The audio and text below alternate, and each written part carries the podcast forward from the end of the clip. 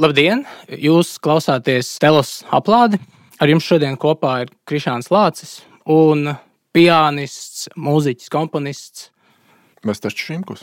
Šodien uh, mēs izmantosim unikālo iespēju parunāt par uh, labu mūziku.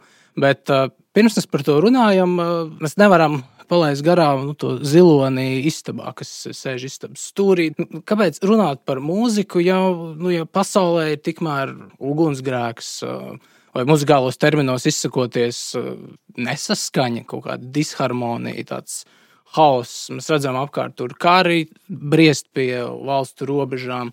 Sabiedrībās cilvēki viens otru nu, slikti izturās, tīpaši arī Covid sakarā, maigi izsakoties. Cilvēki sajaukuši savus dzimumus.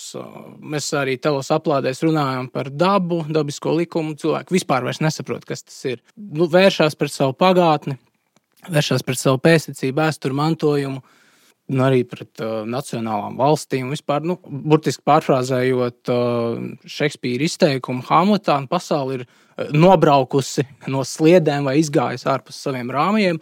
Nu, arī nu, mums ir pretī muzeķis. Nu, nu, kaut kas īsti neskan. Kas īsti tavuprāt, uh, Vestarda uh, nu, pasaulē neskan vai nenotiek īsti kā nāks. Daudz kas pasaulē šobrīd skan, un skan skaļi, un tas mm, skaļums veido tādu pamatīgu fona troksnēs, kuru mēs varbūt bieži vien nepamanām, ka, ka šī nesaskaņa un visas šīs nebūšanas, kuras tikko pieminēji, patiesībā ir mērķtiecīgas. Un pilda kaut kādu konkrētu noteiktu funkciju. Un šķiet, ka tām ir kaut kāds konkrēts plāns. Tās nav nejaušas anomālijas, tās nav neizdevušies um, dažādu plānu rezultāti. Ja? Tās ir pavisam konkrētas lietas, un tā ir sava veida konkrēta kārtība, kas šobrīd pasaulē izpaužas. Um, mēs līdzīgi varam runāt arī par, piemēram, 20. gadsimta sevišķi otrās puses, tā saucamo modernismu mūzikā, kurā vienkārši klausītājs varbūt sadzirdēs uh, haotisku troksni uh, un padomās, ka viņa kaķis uz klavierēm spēlē apmēram tāpat. Bet patiesībā šī mūzika ir uh, būvēta pēc ļoti stingriem, ārkārtīgi skrupulozu stingriem principiem. Tā ir konkrēta kārtība, kas ir jā, ausī griezīga, jā, neatbilstoša varbūt dabīgajā likumā sakņotajai uztverei par to, kas ir skaists un patīkams cilvēka ausī. Eh, bet tomēr tā ir kaut kāda konkrēta kārtība. Un es domāju, lielā mērā līdz mūsu dienām šī jaunā kārtība faktiski ir iemiesot ar vien vairāk un vairāk dažādos eh, aspektos un dažādās eh, sabiedrības norisēs. Un visā tajā, ko mēs pasaulē ap sevi redzam. Mums ir svarīgi saprast to, ka tas, kas notiek, nav kaut kāda neveiksme vai kļūda, bet tas ir mērķtiecīgs ceļš pretī nu, tad jau mēs redzēsim, kam. Jā, bet interesanti, ka tu tā saki, jo nu kā, arī tā no malas skatoties, vai nu, jā, klausoties, nu šķiet, ka nu, tāds haotisks, tāds uzplaiksnījums, tāds epizodes, kaut kāds kaprīs, tādi nu, jā, izvirdumi, kuriem nu, tiešām nav nekāda apakšā pavadoša motīva, kuram nevar tādu skaidru struktūru nolasīt. Mēs Mums arī nu, Latvijā ģimenes jautājuma sakarā mums tāds sajūta, ka pēkšņi pār mums gāžās kaut kāds tāds vilnis, un mēs nesaprotam, no kurienes tas ir nācis, viss šī kakofonija, tur ģimenes lietās un, un vispār nu, likumdošanā kā tādā. T tas pirmais impulss mums ir, ka nekārtība, bet tu saki, nē, ir kārtībā, tie ir turklāt mērķiecīgi virzīta kārtība šīm epizodēm un uzplaiksnījumiem ir kaut kāds pamats un uh, pat vadmotīvs, vai ne? Arī kāds komponists, bet Vai tu varētu nosaukt kādu komponistu? Nu, kādu vienu man būs grūti nosaukt, jo tā ir. Tā ir tas, ir orķestris. Tas ir vesels vilnis, jā, teikt, vesels orķestris tik tiešām. Kas eh, darbojas ļoti saskaņoti, manuprāt, un pat eh, aizkustinoši saskaņot brīžiem. Taču es domāju, mūsu domāšanas vājais punkts slēpjas tieši tajā, ka mēs esam it kā pēkšņi atjēgušies, ka tas viss notiek. Un uh, ka mums šķiet, ka tas, kas notiek, notiek pēkšņi tas nenotiek pēkšņi. Arī tas, kas notiek šobrīd ap mums, ir eh, tikai ilgstošu procesu rezultāts. Tie procesi varbūt eh, mums šeit Latvijā ilguši pēdējos 30 gadus. Eh, Rietumē Eiropas kultūra telpā tie ir ilguši varbūt pēdējos 70 gadus, es teiktu, vismaz, varbūt vēl ilgāk. Tas viss ir tikai šī brīža rezultāts, un arī šis rezultāts ir pats procesa daļa un pats turpina šo procesu. Līdzīgi kā daudz komponistu varētu apliecināt, ka tad, kad viņi raksta mūziku pēc kaut kādiem noteiktiem Plāniem, likumiem. Noteikti. Tad kādā brīdī viņiem šķiet, ka šis skaņdarbs sāk rakstīt pats sevi.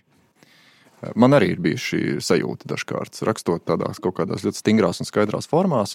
Patiešām es redzu, ka vienkārši nu, man vairs nav īpaši jālauza galva, kur būs nākamā nots, ko es rakstīšu, jo tā nākamā nots ir loģiski izrietoša no iepriekšējās. Līdz ar to tas arī ir tas, kurā izpaužas tā uzskatāmā kārtība, kuras jau pieminēju. Un šī kārtība savukārt eh, tīri estētiskā ziņā var izklausīties pēc nekārtības un izklausīties pēc kaut kā postoša, un tādējādi kaut ko postošu iemiesot. Un, ja šī kārtība nav nejauša, bet plānveidīga, tad tā, manuprāt, ir īpaši bīstama. Hmm. Labi, mēs varam, mēs varam to nu, pašreizējo krīzi vai problēmu pārtulkot mūzikas valodā, mūzikas metaforās, bet nu, tā, pārējot pavisam konkrēti un pavisam konkrēti jautājot, nu, kā to šķiet, vai pašreizējo problēmu vispār var risināt ar mūziku, ar mūzikas līdzekļiem. No viena lieta, protams, mēs tā tīri aprakstām, lai uzrādītu kaut kādas ligas.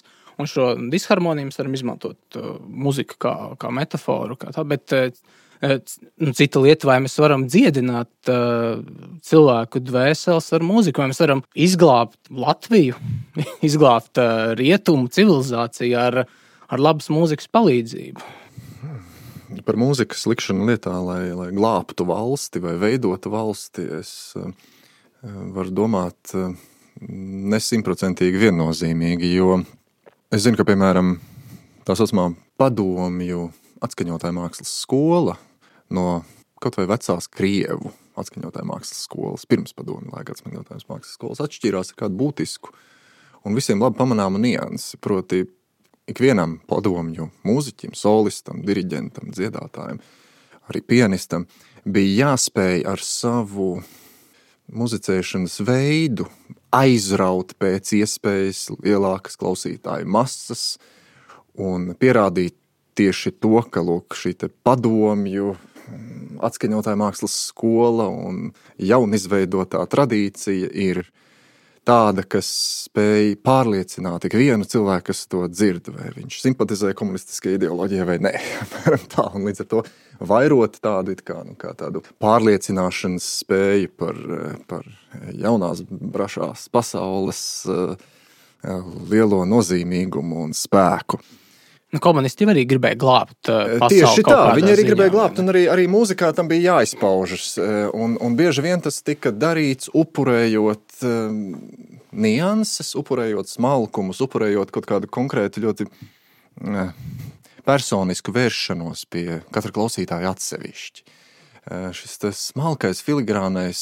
Um, niansētais skatījums uz mūziku bija raksturīgs drīzāk šī pirmspadomju muzicēšanas skolai, un tas pēc tam pazuda. Un to mēs dzirdam arī ierakstos, kuros, piemēram, spēlē tādi vecās pasaules mākslinieki kā Sergejs Rahmaņinovs vai Aleksandrs Skriabins. Viņi spēlē klavierus ļoti filigrāni, smalki, jūtīgi, veikli tās ir kvalitātes, kas pēc tam padomju pianismā, piemēram, tika nostādīts otrā plānā. Es nesaku, ka tās izzuda pavisam, bet bija kaut kas svarīgāks. Svarīgāk bija spēlēt uz masu un spēlēt ar elkoņiem dažkārt, jā, lai tas viss būtu tā skaļi, iespaidīgi un lielas masas uzrunājoši.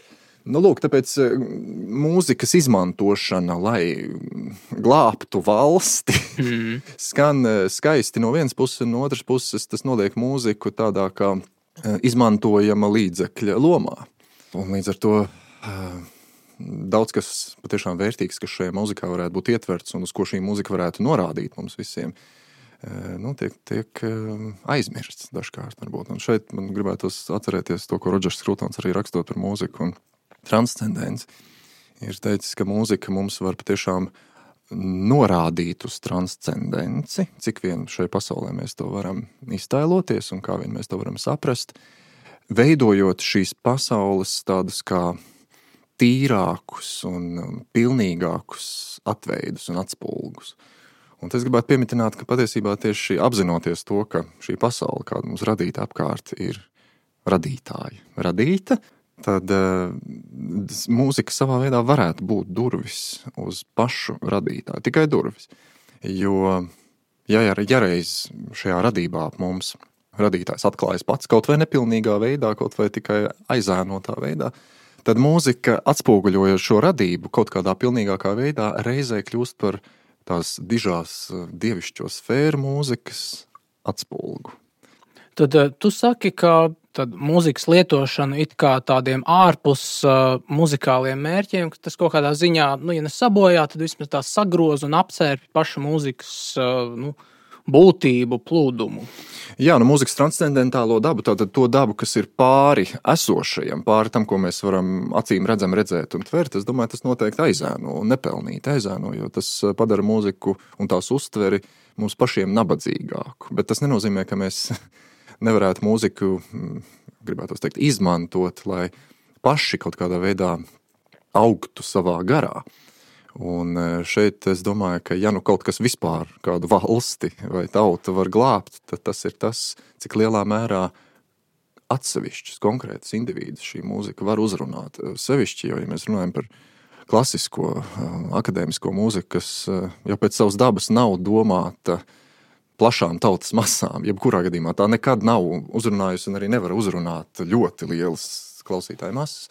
Tad šeit mēs varam runāt par kaut kādu tiešām dziedinošu un spēcinošu efektu, ko tā var izraisīt atsevišķos cilvēkos, kuri tam ir gatavi, kuri varbūt zina par šo mūziku tik daudz, lai tā spētu viņiem izteikt kaut ko vairāk nekā citiem kuri varbūt uh, spēj šo mūziku tīri intuitīvi līdzpārdzīvot un tvert kaut kā jutīgāk nekā vairums citi cilvēki. Tādējādi varbūt iemantojot sevī kaut kādu šo transcendences atspulga gaismu, kura pēc tam var izgaismot to tumsu, kas mums apkārt, un varbūt apgaismot vēl kādu, un vēl kādu, un vēl kādu, un tā maz pamazītēm. Katrā ziņā šis process var notikt tikai no apakšas uz augšu, nevis no augšas uz apakšu, kā to bija iedomājušies, teiksim, padomu ideoloģija.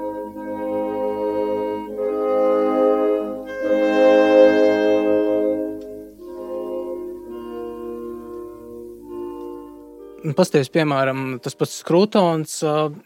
Viņš arī daudzies savos tekstos runājot par konservatīvismu kā dzīves izjūtu. Viņš konsekventi atkārtos, ka konservatīvisms nav, nu, nav politiska programma, ka tas nav, tā, tā nav tāds liels pasaules pārveidošanas projekts, kaut kāds manifests, kur ir punkts pa punktam uzskaitīts, kas mums ir tagad jādara, lai, lai salāpītu, salauztu nu, disonējošo pasauli. Viņš to visu laiku uh, uzsver. Un, nu, tad, ko viņš pats eh, praktiski dara? Viņš dzīvo laukos, audzē savus zirgus, bet, eh, nu, lai vairotu labās lietas un šo uzmanību pret labajām lietām, kuras ir vispār vērts saglabāt un nodot tālāk, eh, nu, viņš nevis raksta politisku programmu, bet, piemēram, aicina savā, savā draugu lokā muzicēt, klausīties labu mūziku, ar to domu, ka šādi kā tādā individuālā un arī no apakšas uz augšu augošā līmenī var sasniegt iespējams pat lielākas pārmaiņas. Nu, kaut kā vairāk nostiprināt cilvēks, kas gal galā, protams, arī atstāja politisku efektu, bet tas politiskais efekts ir tikai nu, rezultāts. Jā, rezultāts, rezultāts, jā, tas jā. nav. Nu, līdz ar to mēs nevaram padarīt muziķi par līdzekli, lai sasniegtu politisku mērķi. Drīzāk, nu, nu jā, mēs varētu mēģināt uh, kultivēt pašus cilvēkus. Jo skaidrs, ka individuālā līmenī ļoti bieži tā nu, kaut kas sāp, kaut kādas uh, rūktas pārdomas. Mēs uh, tiešām mēdzam izmantot uh, mūziku, lai, nu, lai, nezinu, lai apdziedinātu, lai uh, tiešām pieskartos uh, transcendentālajiem, pārpasaulīgajiem un tiešām individuālā līmenī. Mēs šādi kā risinām savu problēmu, bet padarīt to par politisku, tādu kolektīvu programmu, tas apcirptu uh, mūzikas uh, spārnas brīvo plūdumu. Un par to varbūt tiešām ar tevi, kā gan ar mūziķi, bet it īpaši kā ar komponistu, es tieši gribētu šobrīd parunāt nu, par labu mūziku. Jo nu skaidrs, ja ir iespējams dziedināt cilvēkus ar mūzikas palīdzību, ja muzikai tiešām ir šī terapeitiskā iedaba, un ja mēs um, mudinām cilvēkus vairāk klausīties labu mūziku, mums vajag noskaidrot, vispār, kas ir šī labā mūzika. Jo nu skaidrs, mūsdienās ir tik daudz mūzikas, nu, visur ir tik daudz šis troksnis, veikalos, mašīnās, uh, Arī akadēmiskajā mūzikā ļoti daudz mūzikas, tik daudz kā nekad. Rietumu mūzika arī pārpludinājusi nu, visu pārējo pasauli. Nu, līdz ar to parādās jautājums, nu, kas ir tiešām šī labā mūzika. Nu, klasiķi, tas pats arī Platons. Viņš arī norāda, ka slikta mūzika atstāja sliktu iespaidu uz dvēselēm, sliktas dvēseles atstāja sliktu iespaidu uz kopīgo dzīvi un politiku. Nu, tikpat viegli cēlot, tikpat līdzīgi cēloniem mēs varam novilkt no labas mūzikas uz labām dvēselēm, no labas, labām dvēselēm uz labu kopīgo dzīvi. Jā, nu, mūsdienu relativismu apstākļos, protams, ir ļoti grūti eh, paziņot, ka lūk, šī ir laba mūzika, un tā savukārt nav laba mūzika. Un es pats bieži vien saskāries ar to, ka šādi spriedelējumi balstās labākajā gadījumā kaut kādos subjektīvos vērtējumos un subjektīvās izjūtās, un sliktākajā gadījumā ideoloģiskā pārliecībā. Līdz ar to šeit mēs varam runāt drīzāk par to, ka labu no slikta, kā jau visur un citur pasaulē, mēs varam atrast un atpazīt pēc augļiem. Laba mūzika tādējādi manā uztverē ir tā, kas tās klausītājiem palīdz mīlēt šo pasauli un pirmkārt mīlēt savu tuvāko vairāk nekā nevis mazāk. Un tas jau būtu ļoti daudz. Tā, tas būtu, tā, tā būtu viena lieta. Otra lieta, protams, labu mūziku raksturoja tās, tās komponista iekšējā motivācija, kāpēc viņš šo mūziku radījis. Šī apsvēruma bieži vien var būt visnotaļ praktiski, merkantīli, bieži vien šie var būt ideoloģiski apsvērumi, un bieži vien tie var būt patiesas iedvesmas vadīti. Mēs to nezinām, bet pats komponists to zina vienmēr un zina ļoti labi. Par laimi, mūzika ir pietiekami abstrakta joma, kuru mēs varam baudīt un no kuras mēs varam kaut ko gūt tikai ar estētiskiem eh, līdzekļiem. Proti, fokusējoties tikai uz to, kāda šī mūzika tīri estētiski ir. Eh, galu galā, kāda arī tā no tāda tehniskā aspekta, kā tā ir radīta, cik meistarīgi tā ir radīta. Un, eh, Meistarības aspekts mūsdienās kļūst ar vien retāk novērojams un ar vien nesvarīgāks, pateicoties konceptuālismu uzvaras gājieniem. Uh, Tāpēc šie visi ir kaut kādi kriteriji, kuru rezultātā mēs paši saprotam, ko mēs no konkrētās mūzikas, ko mēs klausāmies, paši varam gūt. Un, ja tas ir kaut kas labs un mums nepieciešams un tiešām noderīgs, tad tā mūzika savu labo misiju ir pildījusi katram no mums. Un bieži vien es pat speciāli cenšos neinteresēties par kāda skaņdarba, tapšanas vēsturi un komponista motīviem to rakstot, tā vietā, lai es tiešām varētu gūt no šīs mūzikas estētiskajām kvalitātēm, to labāko, ko tā spēja man sniegt, to, kas man pašam ir nepieciešams, ko es pats ļoti vēlos no šīs mūzikas saņemt. Tad tu šo labo mūziku raksturo drīzāk kā tādu tevis paša ilgas gaidas, vēlmes, tādu atspoguļojošu, tādu, kas tieši vairāk skar un attiecās uz tevi pašu personīgi tu tā teiktu? Protams, personīgi. Tas viss, jebkurā gadījumā, ir personīgi, taču atcerēsimies to, ka ik viens no mums tiecas uz labo. Ik viens no mums ir pārliecināts, ka viņš vai nu jau rīkojas labi, vai pie dažādu citu apstākļu sakritības rīkotos labi. Un pat ja tas, ko viņš šobrīd dara vai ko viņš domā, nav īsti simtprocentīgi labi, tad tas noteikti tiek darīts kāda laba mērķa vārtā. Cilvēki vēlas būt labi, un tieši tāpat cilvēkiem ir pilnīgi dabiska tieksme um, vēlēties kaut ko labu, saņemt arī no apkārtējās pasaules. Galu galā viņiem ir pilnīgi dabiska tieksme būt mīlētiem. Viņi vēlas arī, lai mūzika viņiem sniedz šo sajūtu, ka viņi ir mīlēti un ka viņi uzņem kaut ko patiesi vērtīgu un labu sevī. Dažkārt viņi nesaprot īsti, ko viņi vēlas un kas tas ir, ko viņi grib no šīs mūzikas saņemt. Dažkārt viņi vēršas pie nepareizās mūzikas un saņem tur pavisam kaut ko citu. Un saņem varbūt kādus apstiprinājumus savām uh, traumām un negācijām. Un, un Un apliecinājums tam, ka par spīti tam, ka viņi varbūt nav gluži labi, viņi tomēr ir pilnīgi normāli un ka tas, kāda viņi ir, ir kaut kāda jaunā norma. Tā tas, protams, arī ir, taču cilvēks vēlas apliecinājumu. Un mūzika ir tas, kurā viņš mēģina šo apliecinājumu saņemt. Vienalga, kāda tā mūzika būtu, kaut vai vis, visbanālākā mūsdienu popmūzika. Cilvēks vēlas saņemt kaut kādas apliecinošas sajūtas. Ko šīs sajūtas cilvēkam apliecina? Tas ir cits jautājums. Varbūt šis cilvēks ir tik eh, aizvainots uz visu pasauli savā, savā dabā, ka viņš vēlas tieši apliecinājumu kaut kādai destrukcijai. Un, eh, un tas varbūt ir arī pamatā mm, manis jau pieminētajai ausī griezīgajai kārtībai, kāda viņš šo, pasaulē valda. Bet viņš lūk šo destrukciju, savu iekšējo vēlmu pēc destrukcijas, viņš nosauks par nu, kaut ko labu. Jā, protams, viņš to nosauks par kaut ko labu un, un, un, un aizstāvēs to ar, ar gariem referātiem un, un garām runām. Un šajā gadījumā es gribētu pieminēt arī Skrutonu citā gan kontekstā pieminēto Teodoru Adorno, kurš ir teicis slavenu frāzi, ka eh, pēc Aušvicas taču rakstīt dzēju ir barbariski tādējādi netieši norādot uz to, ka radīt vispār pēc Auschwitz ir apgrēcība, un radīt kaut ko labu un apliecinošu nozīmē it kā savā veidā atzīt to, ka tas, kas notika Aušvicē, bija labi. nu, tā ļoti, ļoti selektīva uztvere teiktu, par to, kas vispār ir rietumu kultūras mantojums un piedāvājums, kas ir tas, ko mums vajadzētu radīt šai pasaulē pēc tam, pēc visām šīm šausmām. Jo uz šīs ideoloģijas es baidos, ka tomēr ir, ir izveidojusies jauna, neteikšu pagaidām Aušvica, bet katrā ziņā jauna, jauna totalitāra domāšanas sistēma, kas nepieļauj nepieļauj faktiski dzīvību daudzās jomās, arī mūzikā, un arī padara mūziku par tādu, kuru vai nu nav iespējams radīt, vai nav iespējams klausīties to, kas nu pat ir radīts.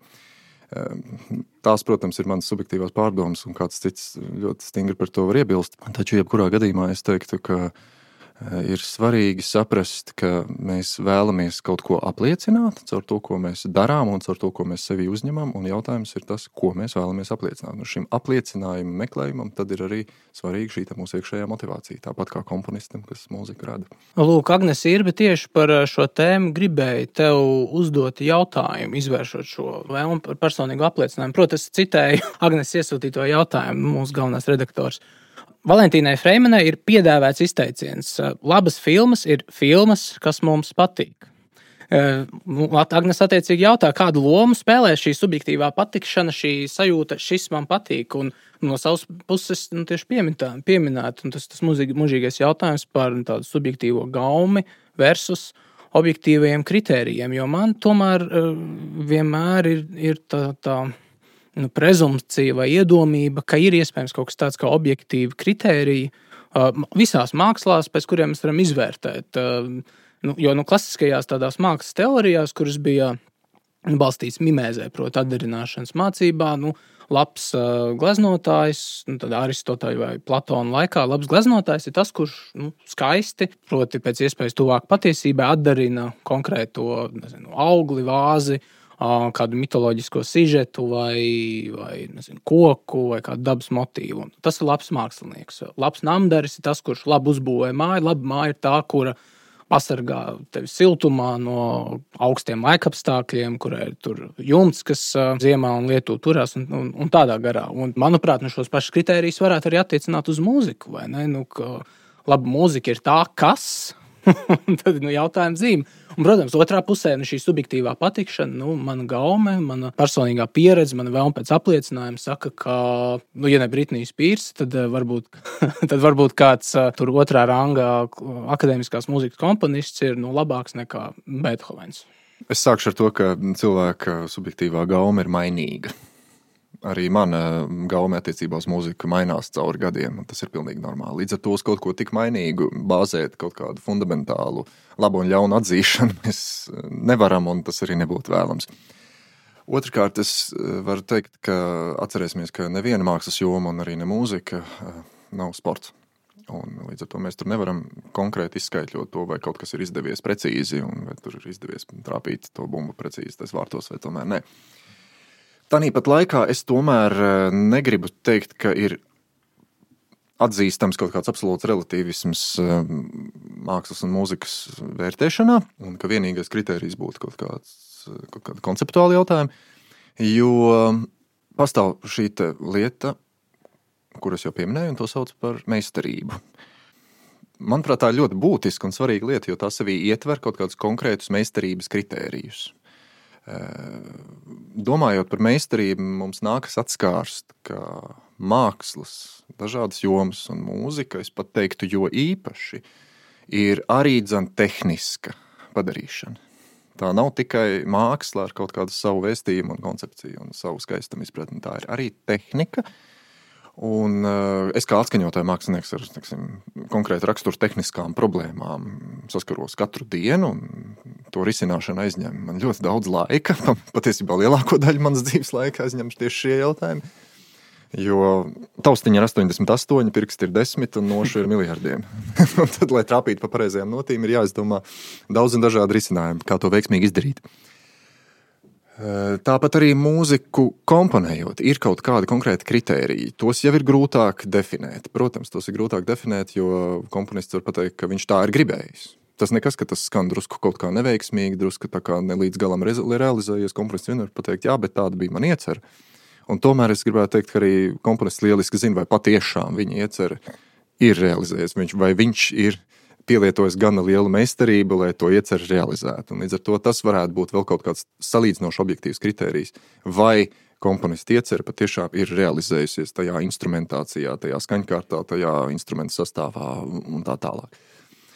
Um, Vēl mēs, nu, ja runājam par mūzikas interpretāciju, mēs nevaram atstāt novārtā tādu arī zin, objektīvi pastāvošu lietu, kā komponista norādījumi notīs. Un par tiem Rodžers Krūtons daudz arī raksta, ka tie ir izteiksmes norādījumi. Ja? Un bieži vien tas ir ne tikai espresīvo, bet, bet daudzi dažādi uh, palēninājuma, pātrinājuma norādes, un, un kur spēlēt skaļāk, klusāk, un tad vēl gluži poētiskas dažiem komponistiem, kā piemēram Aleksandram Skrabinam. Nu, ļoti poētiskas norādes par to, kā tur atklājas kādi mistiski spēki šajā muzikālajā frāzē, un, un, un kādu murgainu deju viņi tur uzsāk, piemēram, un tam līdzīgi. Viņš to pieraksta? Viņš to pieraksta franču valodā, jā, konkrēti tieši zem tām notīm, kurās tas, viņa prāt, ir jātaino. Nu, lūk, un, un tās ir lietas, kurām, manuprāt, ir objektīvi būtu ikvienam izpildītājam, māksliniekam jāpievērš uzmanība. Katrs no mums to var saprast savādāk. Šīs norādes mēs saprotam katrs pēc savas um, iekšējās um, izjūtas, pēc savas uh, līdzšinējās dzīves pieredzes vadoties. Un uh, tas pat ir labi, ka katram no mums to iznāks iztulkot citādi. Tieši tāpēc mūzikas interpretācija ir mākslas forma, nevis vienkārši reprodukcijas forma. Līdz ar to sava veida veselīgs subjektīvisms šai, šai ziņā, veselīgs individuālisms šai ziņā pastāv, un tas ir labi. Un, diemžēl mūsdienu pasaule ar, ar savu tehnoloģiju attīstību to ir nonivelējusi līdz tādā mērā, ka mums ir viena un tā paša skaņdarba neskaitāmas interpretācijas pieejamas, ierakstītas dažādos digitālos formātos. Un, Un pianisti klausās visas šīs interpretācijas, viens no otra kaut ko nozog, nozog, nozog, saprot, kāda tā mūsdienu tā saucamā mainstream tradīcija ir, kas patiesībā nav nekāda tradīcija, bet tikai pēdējo desmitgažu laikā mm, izveidojušies uzskati par to, kā spēlēt slavenas klasiskās mūzikas skaņdarbus. Nu, lūk, tad beig beigās izrādās, ka visi spēlē daudz maz vienādi. Un, un šos komponistu norādes uh, ja vispār tām pievērš uzmanību, ja vispār pat eh, vīžo paskatīties, eh, kas tur īsti notiek rakstīt, tad saprot to diezgan līdzīgi. Un tas padara mūzikas atskaņotā mākslu par kaut ko tādu, par ko mēs vairs īsti nevaram teikt, ka tā ir māksla vispār.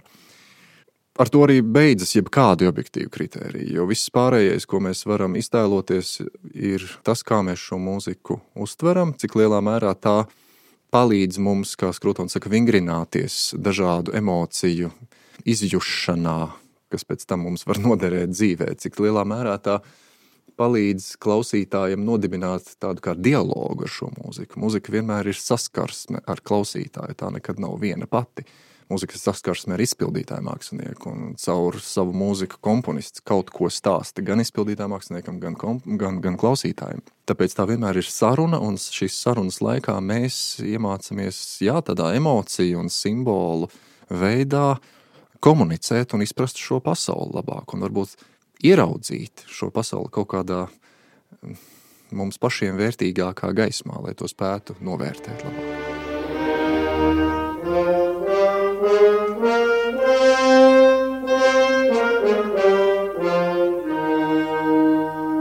Tāpat laikā tu iepriekš pieminēji arī uh, mūzikas saistību ar tādu kā likumību. Ar nu jā, dabīgais likums tas būtu viens, bet cita lieta ir tiešām, ka uh, nu, komponistam, it īpaši, ja viņš ir jaunais vai topošais komponists, viņam neizbēgami nākas apgūt uh, nu, jā, šos paņēmienus, kuri sastāv, nu, kur, kur uzkrājoties, sastāv to, ko tu arī iepriekš nosauc par meistarību.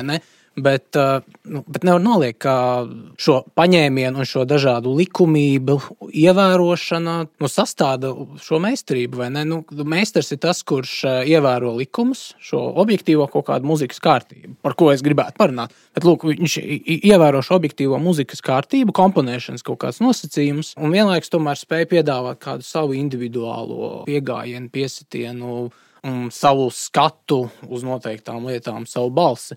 Protams, šīs likumības ietvaros. Un, nu, un te es atkal nu, gribētu norādīt no tās savas tādas angažētas, politizētās pozīcijas, nu, cik ļoti nu, konservatīvi tomēr tāda labas mūzikas māksla man izskatās. Jo, nu, paskatoties pat uz dažādu laikmetu muzeķiem, nu, vienalga, vai tas būtu tas pats uh, romantiķis, Beethovens, Mocards. Uh, Baks, labi, katram laikmetam ir savi dažādi uzstādījumi, bet tomēr viņi ievēro noteikts nosacījums. Viņi ievēro noteikts priekšraksts, viņi, protams, mācās viens no otra. Protams, tā uzkrītošākā muzikas likumība arī, ko tas pats Skrūtons atkārtoja, ir proti vai nots iederās, vai nots saskan tādā plašākā veselumā. Jo, nu, kā muzikas māksla, paredz to, ka tev ir dažādi elementi, dažādas vienības, kuras tu izkārto vienotā veselumā, kuram tad ir sākums, vidus izvērsums un noslēgums. Un labs mākslas darbs arī citos žanros ir tāds, kurš tad ir nopaļots. Un tad jau tādu pabeigtības un veselumu iespēju rada kurā dažādi savstarpēji šie dažādi elementi kopā virzās tādā mērķiecīgi kaut, kaut kāda kustība. Mūzika līdz ar to tā, man liekas, kā,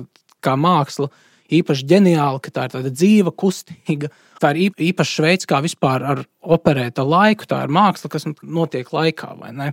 Un kuras, nu, kā arī Krūtons saka, kuras izēvielas vai materiāli ir emocijas, bet nu, šīs dažādas emocijas, izjūtas, kuras pārtulkotas notīs, tad viņas tiek izkārtotas mērķiecīgā virzībā uz, nu, jā, uz, uz, uz ko? Uz jā. ko? Nu, jā, uz, Lūk, uz pabeigtību, uz veselumu, jā, jā. uz, uz atrisinājumu, pilnību. vai uz destrukciju.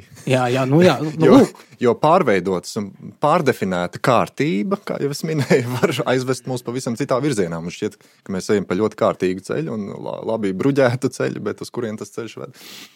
Jā, to mēs redzam visapkārt. Eh, runājot par meistarību, es tomēr piezīmēšu, ka meistarība ir apgūstama pēc kaut kādas noteiktas kārtības, un ka kārtība šo meistarību veicina ikvienam topošajam mūziķim, bez šaubām. Taču pati meistarība tomēr primāri mūziķim noder, lai realizētu kaut ko. Atskaņotājiem māksliniekam tā primāri noder, lai realizētu eh, to mūziku tā, kā tai viņa prāt būtu jāskan, lai realizētu to mūziku mm, tā, kā to varbūt ir iecerējis komponists lai spētu ar komponistu pietiekami lielā mērā arī identificēties un patiešām atskaņojuma brīdī varbūt pat pārtapt par Beethovenu vai Mocartu. Nu, tas ir tas, uz ko es parasti tiecos. tas, ir, tas ir tāls mērķis, uz kur es tiekšos droši vien visu dzīvi. Nu, lūk, no otras puses, man jāsaka, ka tas, ko Skrūtons minēja par šo nošu iederību, man drīzāk asociējas ar tādu kā īpatnēju un patiešām nu, rietumu klasiskajai mūzikai ļoti augstu attīstīto kontekstu izjūtu.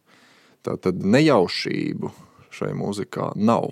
Tas ne, es nesaku, ka rietumu klasiskā mūzika nav kādreiz sevi ietvērusi improvizāciju, un tāpat ir ietvērusi improvizāciju vairāk nekā mūsdienās. Mēs to bieži vien aizmirstam, ka daudz kas no rietumu klasiskās mūzikas šedevriem radies tieši improvizācijas ceļā. Un, Tīpaši Baks vai ne? Baks arī Beethovens tāpat bija izcils improvizētājs un daudz romantismu laikmeta komponistu.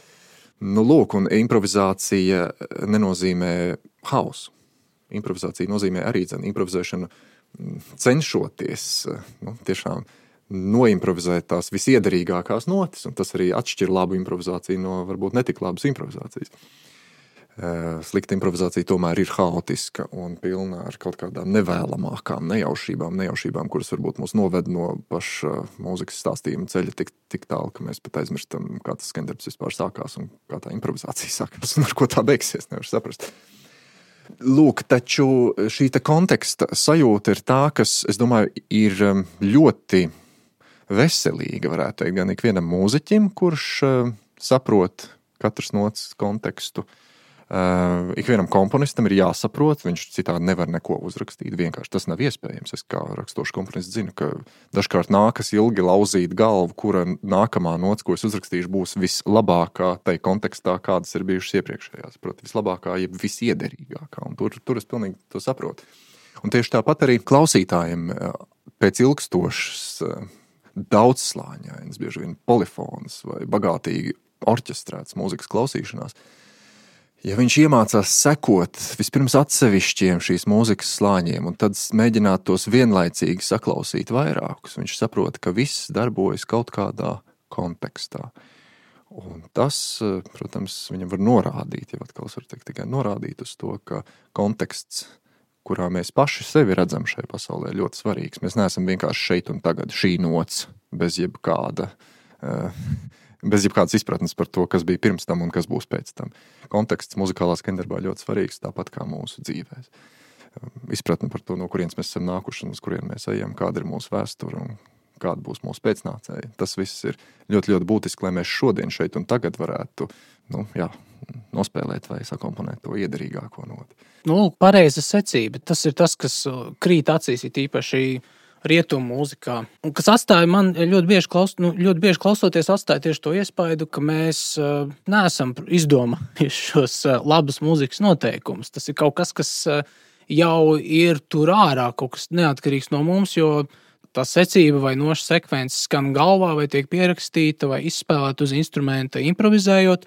Un tad mēs uh, klausāmies uzreiz, nu, vai šī skaņa, ko mēs esam uh, radījuši, vai viņa izriet, vai viņa sadara ar iepriekšējo skaņu, vai tā secība vai sekvence veidojās. Un šīs saskaņotības, šis mūzikā ļoti svarīgais saskaņotības, salāgotības moments, vismaz man tiešām atstāja iespēju, ka tas nav kaut kas, ko mēs esam tā vienkārši izdomājuši. Tas, tas skan labi mūsu ausī, jo pasaule ir uzbūvēta matemātiski. Visam arhitekts ir kaut kā iekārtojis šīs skaņas. Nu, tā vismaz Pitagorieši savulaik arī domāja, vai ne? Ka ir kaut kāda kosmiskā mūzika, kā pasaule jau noteiktās tajās nošu konstantēs ir iekārtota, un tad nu, muziķis viņš vienkārši to pārtulko nošu rakstos, instrumentu, instrumentālās skaņās un tam līdzīgi. Tā, nu, protams, šī saskaņa vienalga tur. Mm, Dažādas skaņkārtas. Jā, skaņkārtas, vai arī tas, kā vispār akordi veidojās, mm -hmm. nu, akordi nav patvaļīgi. Ne? Ne, protams, ir... ne, nu, tie var būt arī tīši nesaskanīgi, un arī tad tā nebūs patvaļa.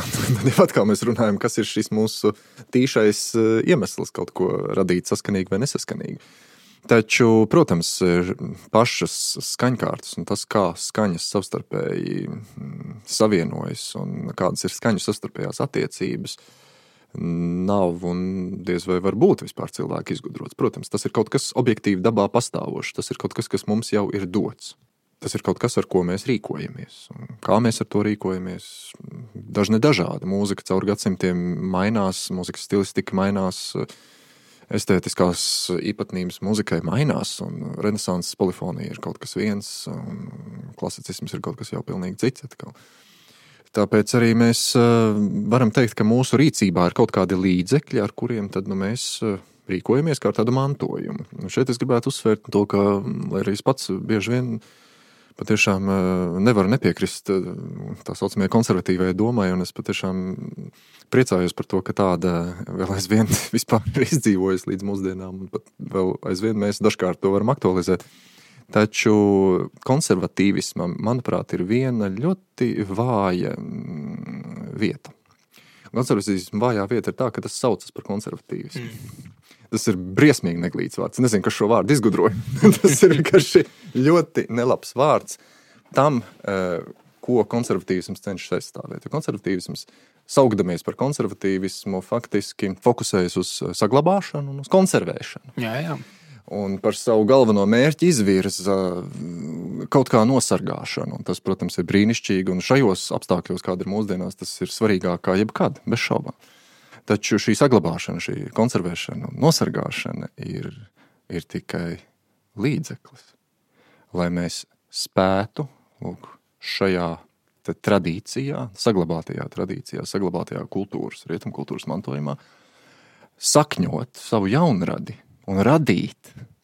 Un tikmēr, kamēr mēs tik ļoti koncentrējamies uz saglabāšanu un uz tādu kā muzeja veidošanu, nevis, nevis iedvesmojoties no tā, ko mēs redzam šajā mantojumā, radīt kaut ko, kas ir saistīts ar to, nevis revolucionāri nogriezts no tā pilnīgi ar visām saknēm nost, bet tiešām saistīts, taču jauns, taču jā, varbūt pārveidots brieži vien, attīstīts dažādos neiedomājamākajos virzienos nu, tikmēr, tikmēr tas nebūs īsti dzīvotspējīgs. Un e, šai gadījumā man ir tiešām svarīgi saprast, ka jā, es arī varu sevi kā mūziķis, arī vismaz kāds skaņotājs mākslinieks, jau pilnīgi noteikti.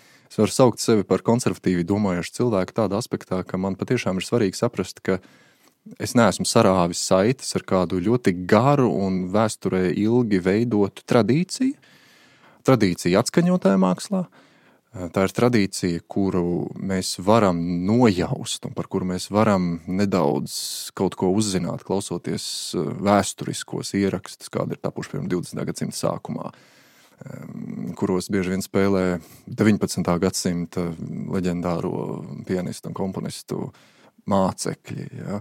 kuros spēlē Ferenca Lista mācekļi, piemēram. Savulaik izcili pianisti, kuri mūsdienās ir pilnīgi aizmirsti, un daudz no, daudz no viņiem mēs nezinām. Uh, Un tur mēs dzirdam kaut kādu konkrēta veida tradīcijas pilnbriedu, kaut kādu tradīcijas iemiesojumu, kas ir tik iedvesmojošs, lai es kaut ko no tā visa censtos nosargāt un turpināt, un iedzīvināt. Lūk, šis vārds iedzīvināt man ir ļoti, ļoti svarīgs. Eh, manuprāt, 20. gadsimta vidū ar manis jau pieminētā Teodora Dorno palīdzību, diezgan radikāli un pēkšņi tika mainīts ļoti daudz kas, kā mēs interpretējam rietumu kultūras mantojumu. Tas bija viņa apzināts mērķis, ko viņš arī spoži realizēja. Nebūt ne bez bagātīga finansiāla atbalsta no dažādām ļoti bagātām institūcijām. Taču tas notika ļoti pēkšņi. Faktiski pēc otrā pasaules kara pagāja daži gadi, un orķestris spēlēja pavisam citādi, pianists spēlēja pavisam citādi. Un visa estētika, kādā mūzika tika gan atskaņota, gan radīta, strauji dažu gadu laikā bija pilnīgi citāda. Un par to mēs varam pārliecināties, klausoties ierakstus, kas ir tapuši pirmā 20. gadsimta pirmajā pusē un tos, kas ir tapuši pēc tam, 20. gadsimta otrajā pusē. Tā atšķirība ir kosmiska. Tur ir kaut kas pilnīgi fundamentāli satricināts. Un šī tradīcija, ir pēkšņi pārrauta. Tā ir, tā ir beigusies. Ir, ir iestājusies cita tradīcija, un bieži vien mm, mūsdienās eh, pat ļoti konservatīvi noskaņoti mūziķi un eh, mācību spēki dažādās augstskolās eh, ir pārliecināti, ka viņi seko kaut kādai konkrētai tradīcijai, un ka tā tradīcija ļoti sena. Nemaz neizdomājieties, ka šai tradīcijai ir nieks 70 gadi, un ka tā savā laikā bija nevis tradīcija, bet tā bija fundamentāla revolūcija. Un, un tā bija tāda veida revolūcija, kas lika daudziem no mums aizmirst to, kāda patiesībā bija mūzikas, gan atskaņotā mākslas estētika, gan tās radīšanas estētika līdz tam, un ka tas bija kaut kas pilnīgi cits.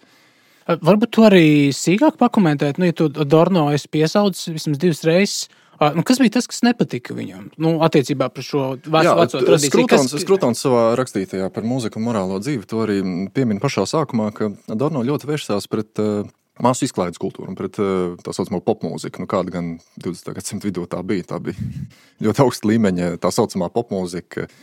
Uh, Nu, Salīdzinot ar šodien. Nē, nu, nu, kas, kas, vai, vai to mēs vispār varam saukt par popmūziku, tas ir jautājums. Jo tas principā bija kas? Nu, tas bija džeks, tā bija big band era, swings, ļoti komplicēta, ārkārtīgi virtuoza, ļoti izsmalcināta mūzika, kuras atskaņošana paģērēja ne mazāku meistarību kā Beethovena skaņdarba atskaņošana. Bet tad Dorno nepatika.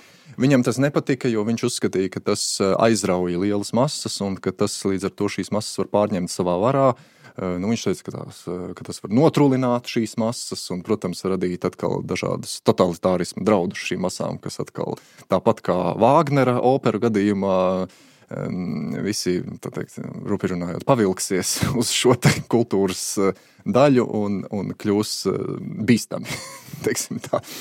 Un tāpēc viņš ļoti cildināja Arnoldu Šeinbergu, kurš uh, ir visiem pazīstams ar to, ka viņš tiešām tīšu prāt uzgrieza muguru uh, klausītājiem un uzgrieza muguru vēlmei, jebkādai vēlmei ar savu mūziku klausītājiem patikt. Un šeit mums jāatcerās, ka tā ir tāda veida mūzika, kura nevēlas patikt. Un, ja kāds cilvēks man saka, ka viņam ļoti patīk Šeinberga mūzika vai vai, Pierre Bulēza mūzika, un, un, un, un mūzika, kas ir rakstīta šajā tradīcijā, tad viņš ir aizmirsis to, ka šī mūzika pēc būtības cenšas nepatikt, tā cenšas tīšu prāt. Jā, sagādāt ciešanas, jā, sagādāt tavām ausīm ciešanas. Un, un, un, ja tā ir sasniegusi savu mērķi, tad tā jūtas patiešām realizējusies visā pilnībā. Nu, lūk, un tāpēc arī uh, manuprāt, bez šaubām masu aptrakums un masu lēkšana no kraujas, sekojot kaut kam vienam un kaut kam visiem tīkamam, bez šaubām var būt bīstama, taču risinājums nav speciāli ieriept masām, radot kaut ko, kas ir tīšu prāt neglīts. Risinājums, manuprāt, ir tomēr atgriezties pie tā, kas ir patiesais, labais un skaistais. Un kuru ik viens cilvēks, kurš vēl sadzird sevī dabīgā likuma balsi, sadzird kā kaut kādu patiesības atspulgu. Vismaz.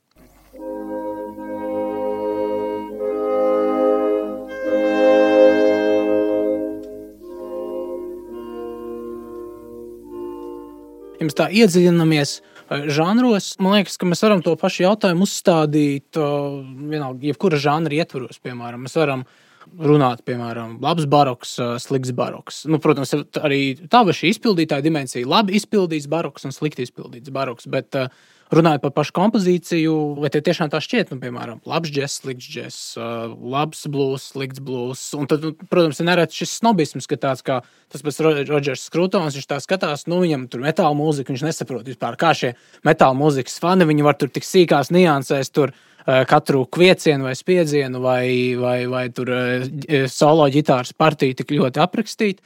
Bet viņš saka, nu labi, tur ir tās kārtules, tie ir viņa noteikumi šī žanra ietvaros, kur katrs, tad, nu, katrs teiksim, katra roka mūzikas vai metāla grupa to izpild labāk, cita sliktāk, cita banālāk, cita radošāk. Un, Nu, acīm redzot, nu, tas ir arī tāds kaut kāds universāls nu, mūzikas, bet nu, varbūt jebkuras mākslas noteikums, ka konkrēti žanra ietvaros mēs varam tā nu, izdalīt, nu, kas ir labs, kas ir izdevies. Un kas nav. Bet nu, jautājums ir, nu, kas, ir tas, nu, kas ir tas labais, kas, teiksim, baroku, piemēram, padara par labu baroku. Un roku par labu roku. jā. jā, nu, lasot ikreiz visu, ko Skrūtons ir rakstījis par mūziku, es uh, vienmēr nodomāju, nu, kolosāli sarakstīts, ļoti daudz interesantas domas, bet tiklīdz viņš sāk uh, Mm, vērsties pret kaut kādu konkrētu mūziku, pasludināt to par kaut kādu sliktāku, par kaut ko citu un sauc konkrētus skaņdarbus un viņu autors. Tā ieslēdzas, protams, neizbēgami ieslēdzas šis subjektīvisms, kas padara viņa teikto mm, par tādu, kuram es nevaru līdz galam piekrist. Jo katram no mums tomēr vienmēr būs cita izpratne par to, kas ir un nav laba mūzika un cik tālu kāds konkrēts skaņdarbs ir izdevies. Uh, Es ļoti ceru, ka katram no mums arī paliks kāda visnotaļ subjektīva izpratne par to, jo pretējā gadījumā nu, jā, mums vairs eh, nav nekādas jēgas par mūziku vispār spriest. Eh, līdz ar to es eh, varu no savas puses teikt, ka es kategoriski izvairos, piemēram, publiski vispār jebkad paust jebkādu savu viedokli par mm, savu kolēģu veikumu. Jā. Mirušu kolēģu veikumu.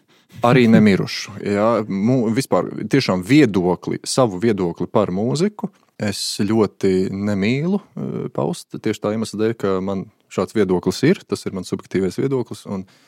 Es pats, būdams mūziķis, e, esmu vienmēr ieinteresētā persona. Es esmu arī subjektīvs cilvēks. Un līdz ar to maniem spriedelējumiem, konkrētu personāliju un konkrētu skaņdarbu jautājumos, eh, manuprāt, nav nekāda svara, un tie, manuprāt, nevarētu vispār nevienu interesēt. Mani katrā ziņā noteikti neinteresē citu cilvēku subjektīvi vērtējumi par, par kādu komponistu vai, vai viņa skaņdarbiem.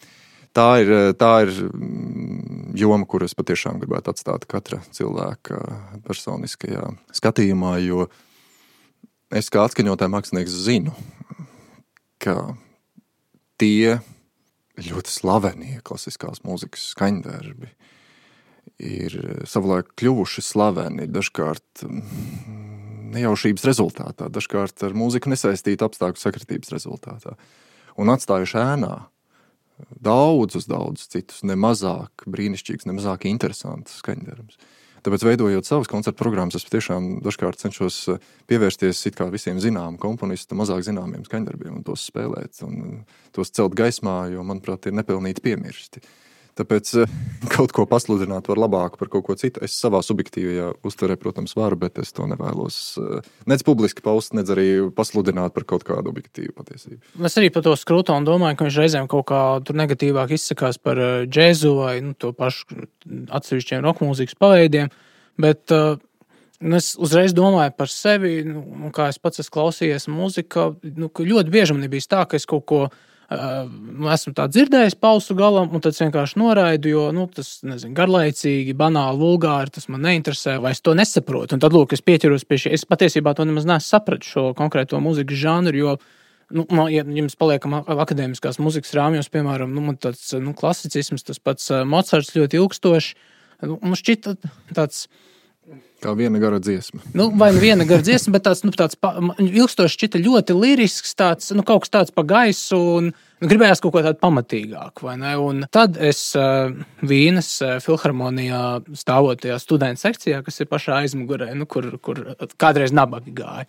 Uh, mūsdienās stāv studenti, kur mūsdienās students stāv lētā biļešu vietā. Tur atskaņoja vienu, vienu Mocarta vioļu koncertu. Un, Un es pilnīgi no jauna ieraudzīju šo mūziku. Nu, it kā nu, pat neieraudzīju, vai nesadzirdēju, saklausīju. Un, un varētu teikt, ka sākot ar to brīdi, es tā, nu, sāku iedziļināties. Sāku, nu, tur, protams, lasīšana arī kaut ko, nu, kaut ko iedod un palīdz saprast par šīs konkrētā žanra principiem. Uh, bet nu, cits, protams, klausīšanās, kur klausoties, tu iemācies novērtēt, kop savu gaumi. Nu, attiecīgi, tu pamani arī šo, šo konkrēto žanru kā nu, ievērības cienīgu. Un tas pats man, piemēram, nu, ja Mocards ir šis nu, klasicismu pārstāvs, man līdzīgi bija arī, arī ar klasicismu arhitektūru, ko es arī ilgstoši uzskatīju nu, par nu, tas vienkārši garlaicīgi. Tur nu, neoklasicisms arī vienkārši garlaicīgi, tāds statisks. Um, reprodukcija, tas ir kaut kādā jaunības periodā, kur šķiet, ka jūgens stils ir tas skaistākais, kas var būt, jo nu, tas ir tik tik, tik ekspresīvi un vijīgi un, un, un interesanti. Un tad, nu, kas ir tāds klasicisms salīdzinājumā ar to? Bet, Nu šobrīd, nu šobrīd drīzāk ir pat otrādi. Es skatos uz šīm klasiskajām formām, struktūrām, proporcijām, samērotību. Domāju, nu jā, lūk, tas ir kaut kas pat labāk un pat dziļāk nekā varbūt kā jūgenstils. Un līdzīgi es domāju, arī mūzikā. Tāpēc tas mans jautājums tev varbūt, vai var iemācīties un vispār izkopt gaumi Proti, nu, vai teiksim, tādam labs krūtons var būt vecs cilvēks, bet nu, vai viņam var iemācīties, piemēram, vai viņu var iemācīt, novērtēt, nezinu, progroku. Piemēram, kaut kādus džēza novirzienus, kurus iepriekš viņš vienkārši ir norakstījis, jo viņš skatās no savas Wagnera pozīcijas. Bet nu, varbūt viņš vienkārši nav paklausījies, varbūt viņš vienkārši nav sapratis. Nu, šajā gadījumā es domāju, svarīgi ir censties novērtēt to mūziku pēc tiem kritērijiem, kas tā ir. Un e, šī ir liela problēma ar mūzikas kritiku. Ne tikai mūzikas kritiku, bet arī mākslas kritiku vispār. Ka bieži vien kritiķis mēģina pateikt, ka tas bija kaut kas labs vai slikts, un e, pateikt, e, ka viņam tas patika vai nepatika. Viņš to, protams, ievērp ļoti garos teikumos, ļoti pārliecinoši dažkārt to pasaka, bet faktiski tas ir kā tāds vērtējums. Es būtu ļoti uzmanīgs ar vērtējumu, jo ir jāsaprot, ka dažkārt tas tur vienkārši nemaz nav domāts nekas tāds, ko tu tur esi vēlējies saņemt un sagaidīt. Un, nu jā, centies tomēr to vērtēt pēc tiem kritērijiem, kas nu tai mūzikā vispār ir un kāda šī mūzika ir domāta. Un tad tu vari izdarīt secinājumus, vai šī mūzika tādā vispārīgā kontekstā ir kaut kas tāds, kas veido kādu labu pienesumu mums vai nē. Bet tie jau būs uzreiz jau tomēr subjektīvi pārspriedumi.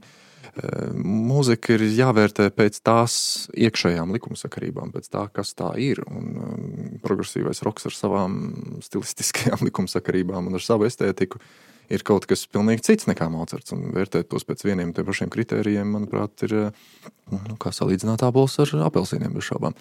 Es esmu lasījis arī Richardu Vīveru, vienu no 20. gadsimta izcilākajiem konservatīvās domas paudējiem. Un viņa darbu ar nosaukumu idejām ir sekas, ideas have consequences. Tas fantastisks darbs, kas iedvesmoja Raselu Kerku sarakstīt savus darbus pēc tam. Un lūk, Ričards Vīvers, piemēram, šķita, ka tāds nu, ļoti, ļoti fokusējies tikai uz kaut kādu viena klasicisma perioda atzīšanu par absolūto patiesību un noraida pilnīgi visu. Viņš bija atradis pat eh, vienu un to pašu iemeslu, lai viņam nepatiktu gan Beethovens, gan Džess. Tad viņš bija, viņš bija saskatījis vienu un to pašu ļaunuma sakni gan Beethovenā, gan Džezā. Un, nu, manuprāt, tas ir tas, kas varbūt apzīmē šo konservatīvismu nevēlēšanos dažkārt eh, kaut ko vispār radīt un vispār skatīties uz priekšu. Jā, apzinoties savu mantojumu, jā, sakņojoties tajā, bet tomēr saprotot, ka mūzika ir radoša māksla, ka tā, tā nav tikai muzeja eksponācija. Pretējā gadījumā šī mūzika vairs nekalpo, būdama muzeja eksponāts, tā vairs nekalpo savam sākotnējam mērķim, tā vairs nekalpo radošā spēka apliecinājumam. Un, nu, radošais spēks ir apsītis mūsdienās. Tā vietā bieži vien ar tikpat lielu spēku nāk iekšā destruktīvais spēks, kas it kā saka, ka kaut ko rada, bet patiesībā iznīcina. Un, nu, tāda radošuma niša, es pat teiktu, ka šobrīd patiesa radošuma niša, patiešām šobrīd ir brīva. Viens tāds uh, universāls kriterijs, kas jau izsēns jau kopš tiešām sengrieķu laikiem, piedāvāts uh, labai mākslai, un tas konkrēti atsaucas uz Aristoteli, ir vai konkrētais mākslas darbs, un, un tur viņš apraksta lugu, šo grieķu traģēdiju, vai konkrētais mākslas darbs nu, savā veselumā skatītājam sniedz šo katarsis efektu tādu līdzpārdzīvojumu. Uh, attīrīšanos caur šo līdzpārdzīvojumu, traģisko līdzpārdzīvojumu. Bet nu, mēs varam iedomāties arī ne tikai traģēdijā, bet varbūt pat arī komēdijā vai traģikomēdijās kaut kas ļoti līdzīgs. līdzpārdzīvojums, attīrīšanās, un to visu šie klasiskie mākslas vērtētāji, kritiķi, viņi to visu tiešām nolasa un interpretē tādās morāles dimensijā. Tas ir līdzpārdzīvojums, kurš arī tev pašam liek ne tikai nu, iejūtoties tēlos, iejūtoties tajā noteiktajā mākslas darbā, pārdzīvot līdz šiem tēliem, bet arī pašam izdarīt kādus secinājumus par savu dzīvi un pieņemt citas izvēles, pilnīgi mainīt savu. Nu, burtiski visu savu uzskatus un, un sākt dzīvot vienkārši labāk. Dzīvot nevis vienkārši citādāk, bet dzīvot labāk, kļūt par labāku cilvēku caur šo katrs un attīrīšanos, ko konkrētais mākslas darbs ir sagādājis. Un, man liekas, mūzika kā tiešām šī māksla, kura operē un darbojas ar emocijām un tiešām īpašu sajūtu uzve, uzvedināšanu. Nu, muzika vēl vairāk un vēl biežāk tieši nu, mēģina vismaz mērķēt uz nu, jā, šo katarses attīrīšanās momentu, kur nu, man ļoti bieži tā, ka es noklausos, un tad nu, visas vairs nevar dzīvot kā līdz šim. Uh, man ir pilnīgi, kaut kas pilnīgi cits jāsāk. Vai es to sāku darīt, tas ir cits jautājums. Un tad atkal varbūt aizmiršanās tur citos estētiskos efektos un citās kaislībās. Jo mūzika varbūt arī vienkārši tāds kaislību nu, patēriņa objekts, ar ko tu vienkārši gribi aizmirsties. Bet nu, cita lieta, tiešām tas labākais, man liekas, ko mūzika ētiski var sniegt, ir šis, nu, ka tu kļūsi par krietnāku un godīgāku cilvēku. Jā, un šeit es gribētu pieminēt tādu no tīra profesionālā viedokļa, ka šeit patiesībā mēs runājam par konkrētu tēlu, emociju un noskaņu, konkrēta veida sagrupējumu, secīgu sagrupējumu, kas veido mūzikas formu. Mūzikas forma veida ir tas, kas palīdz mums saskatīt mūzikā konkrētu virzību un konkrētu mērķi. Tātad mērķi uz kaut kādu veidu kulmināciju, mērķi uz kaut kādu veidu atrisinājumu. Un tas ir tas, kuru Eh, patiesībā modernisms un sevišķi postmodernisms noliedz šo mērķīgo virzību mūzikā, kas ir absolūti uztverama un daudziem uztverama arī cilvēkiem, kuriem teiksim, paši neorientējas mūzikā no profesionālā viedokļa. Viņi jūt šo mūzikas virzību. Un ir tas, šis ir tas lielais bezdibens starp, eh, starp diviem agrīnā modernisma aizsācējiem. Faktiski starp Arnoldu Šeinbergu no vienas puses, austriešu komponists, un no otras puses krievu mm, agrīnā modernisma aizsācējs Aleksandrs Skriabins. Eh, parasti tie cilvēki, kuriem patīk Šenbergs, tiem diez vai patīk Skriabins un otrādi. Un, eh, kas tad viņos abos ir? Viņi abi aizsāka tā saucamo atonālo mūziku, eh, gandrīz vienlaicīgi, apmēram tie ir 20. gadsimta pirmie gadi.